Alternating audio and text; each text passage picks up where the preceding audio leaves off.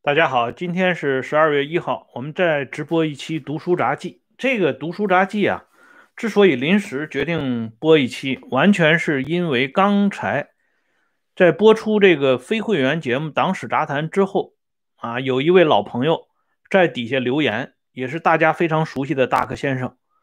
大克先生他的留言很有意思啊，结果呢就引发了我想做一期《读书杂记》。来跟大家谈一谈历史上鲁迅先生他在评价袁世凯的一篇小文章里边给大家指出的未来的这条道路，所以温故而知新啊，就此呢引出这一期读书札记。鲁迅的这篇文章是来自于《鲁迅全集》第三卷，他在《华盖集》续编当中的一个杂文，题目呢叫一点比喻。这个文章一开始就讲，他在老家绍兴的时候看不到很多羊，尤其看不到山羊。到了北京之后，发现有很多绵羊，也有几只骄傲的山羊。这个骄傲的山羊是因为什么而骄傲呢？因为绵羊需要有这么一只领头羊，这个领头羊通常就选用山羊。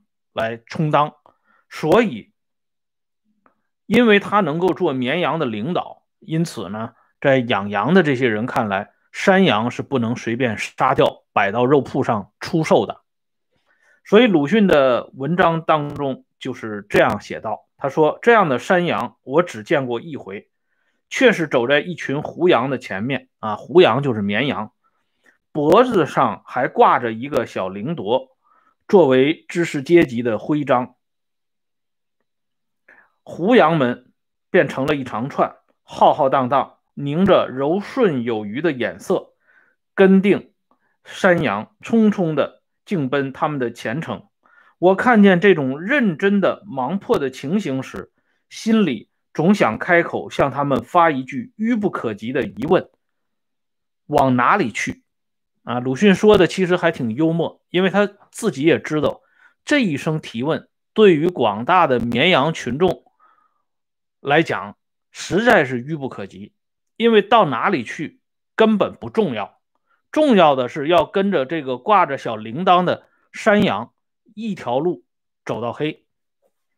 鲁迅下边呢就说了这样一句话，他说：“人群中也很有这样的山羊，能领着群众。”稳妥平静地走去，直到他们应该走到的所在。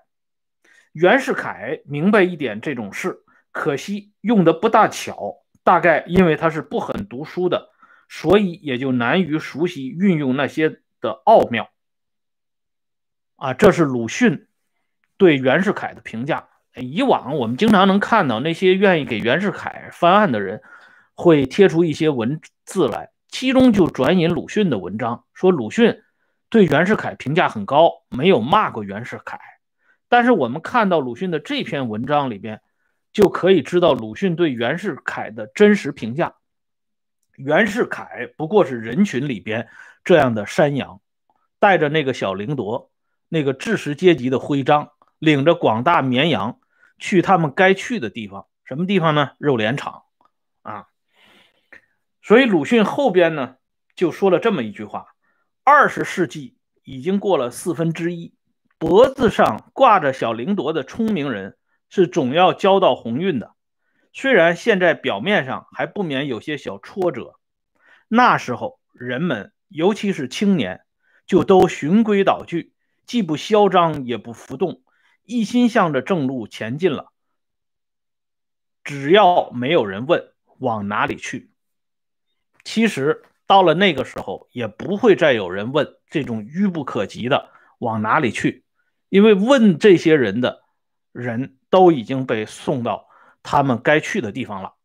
啊，这鲁迅对未来的描述，让我们看一下，是不是有一些似曾相识的地方呢？鲁迅接着还说：“他说，如有君子要问。”羊总是羊，不成了一长串，顺从的走，难道还有别的什么法子吗？你没有见到猪吗？拖延着逃着、喊着、奔突着，终于也还是被抓到非去不可的地方。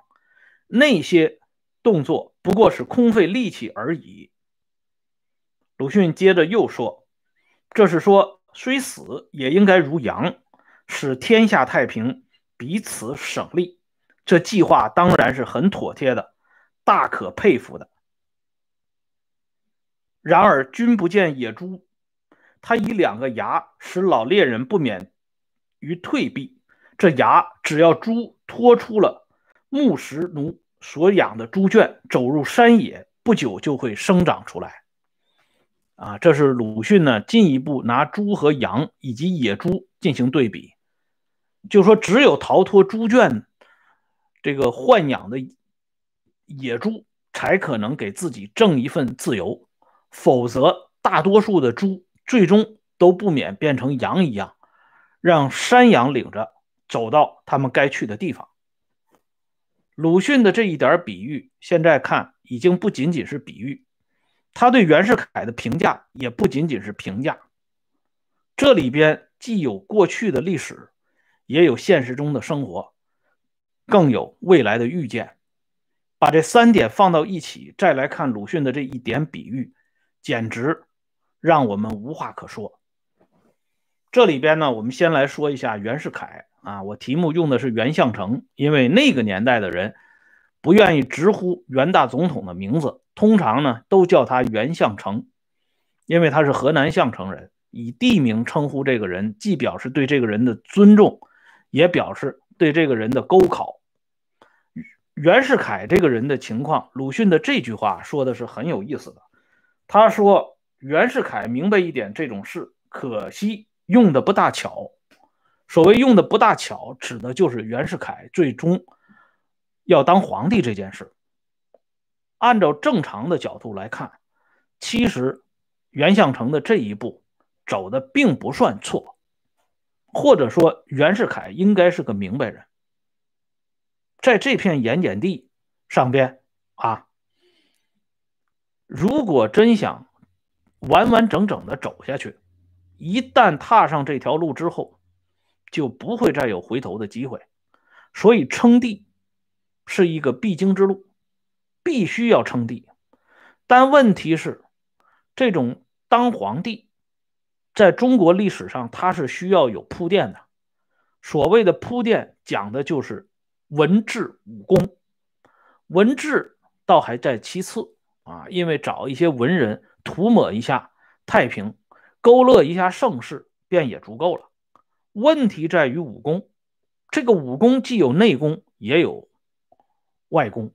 啊，内功讲的是堪平内讧，外功呢指的是削平四海。啊，袁世凯围在武功上边真的是有欠缺，这个具体的欠缺就在于他首先在北洋内部就没有搞定，北洋下边的这两员大将段祺瑞、冯国璋。首先就反对袁世凯关起门来当皇帝。问题在于这两个人反对袁世凯关起门来当皇帝，居然还都能够安然无恙。一个在北京自己家里打麻将养病，另一个回到南京策划于密室，点火于基层。所以鲁迅说袁世凯用的不大巧，指的就是这一层意思。那么后边的人，因为读了书的缘故，啊，了解了这些乱七八糟的过程，所以人家就用的很巧，并且不一定非要用皇帝的名字，改成其他的名字或者其他的头衔也是一样的。啊，毕竟呢，中国人民觉醒了，共和的观念深入人心。大家一看到皇帝的名字就浮想联翩，这个时候呢，领头的山羊他需要改换一种步伐，虽然这个最终的目的还是往肉联厂方向行进，但只要你改换一下步伐，哪怕是换一下小铃铛，大家还是愿意俯首帖耳、百依百顺的跟你走下去。而这个改换啊，恰恰是袁世凯不知道的内容。哎，所以袁世凯自己到晚年最终的时候也说过一句话：“皆因读书太少。”哎，跟老祖宗说的东学的东西太少。所以鲁迅后边的预言就很有意思了。他说：“脖子上挂着小铃铎的聪明人是总要交到鸿运的，虽然现在表面上还不免有些小挫折。这就是说，该来的一定会来的。而那些争先恐后去变换各种方法充当领头的山羊的人，是要交到好运的。”为什么呢？因为绵羊的群体太大了，你想不交好运都不行的。即便是有极个别的绵羊，像鲁迅那样发出低沉的、愚不可及的疑问，说我们到底向哪里去，也会有正人君子站出来告诉他们，不要去学一头猪，这头猪不论怎么挣扎，最终都要去肉联厂的传输带上。那还不如绵羊一样，这么啊顺顺当当，使大家彼此省力，以至于天下太平。我们都知道，这个鲁迅啊，对这个青年人是一直寄予厚望的，这跟鲁迅早期接受这种比较左的思想有直接关系。一般这个左的思想最喜欢鼓噪年轻人。最喜欢把这些美好的字眼、夸张的字眼，以及忽悠的字眼套用在年轻人的身上。什么年轻人是国家的未来，年轻人是什么什么的希望。鲁迅的这篇文章里边呢，也说到年轻人，他是这么说的：尤其是青年，就都循规蹈矩，既不嚣张，也不浮动，一心向着正路前进了。啊，这就是说。在未来的某个时间段里，最有可能成为国家民族社会希望的年轻人，也是这样俯首帖耳的一路走了下去。这才是鲁迅当年为我们勾画的前景。这是这篇文章写于一九二六年一月二十五号，发表于二月二十五号的《莽原》第四期。那么，距今差不多快一百年了。我们看一下眼下的这个现实，再用有限的眼光看一下有限的小小的未来，那么再看鲁迅的这篇文章，是不是有遥相呼应的感觉呢？我相信大家自有判断。好了，今天呢，咱们这个读书杂记就说到这里。这么晚了，感谢朋友们上来收看，不耽误更多的时间，大家赶紧休息吧。下边呢，我把这个。温相说时时政的会员频道，再给大家发一下。感兴趣的朋友呢，可以关注一下这个温相说时政，每天都有更新。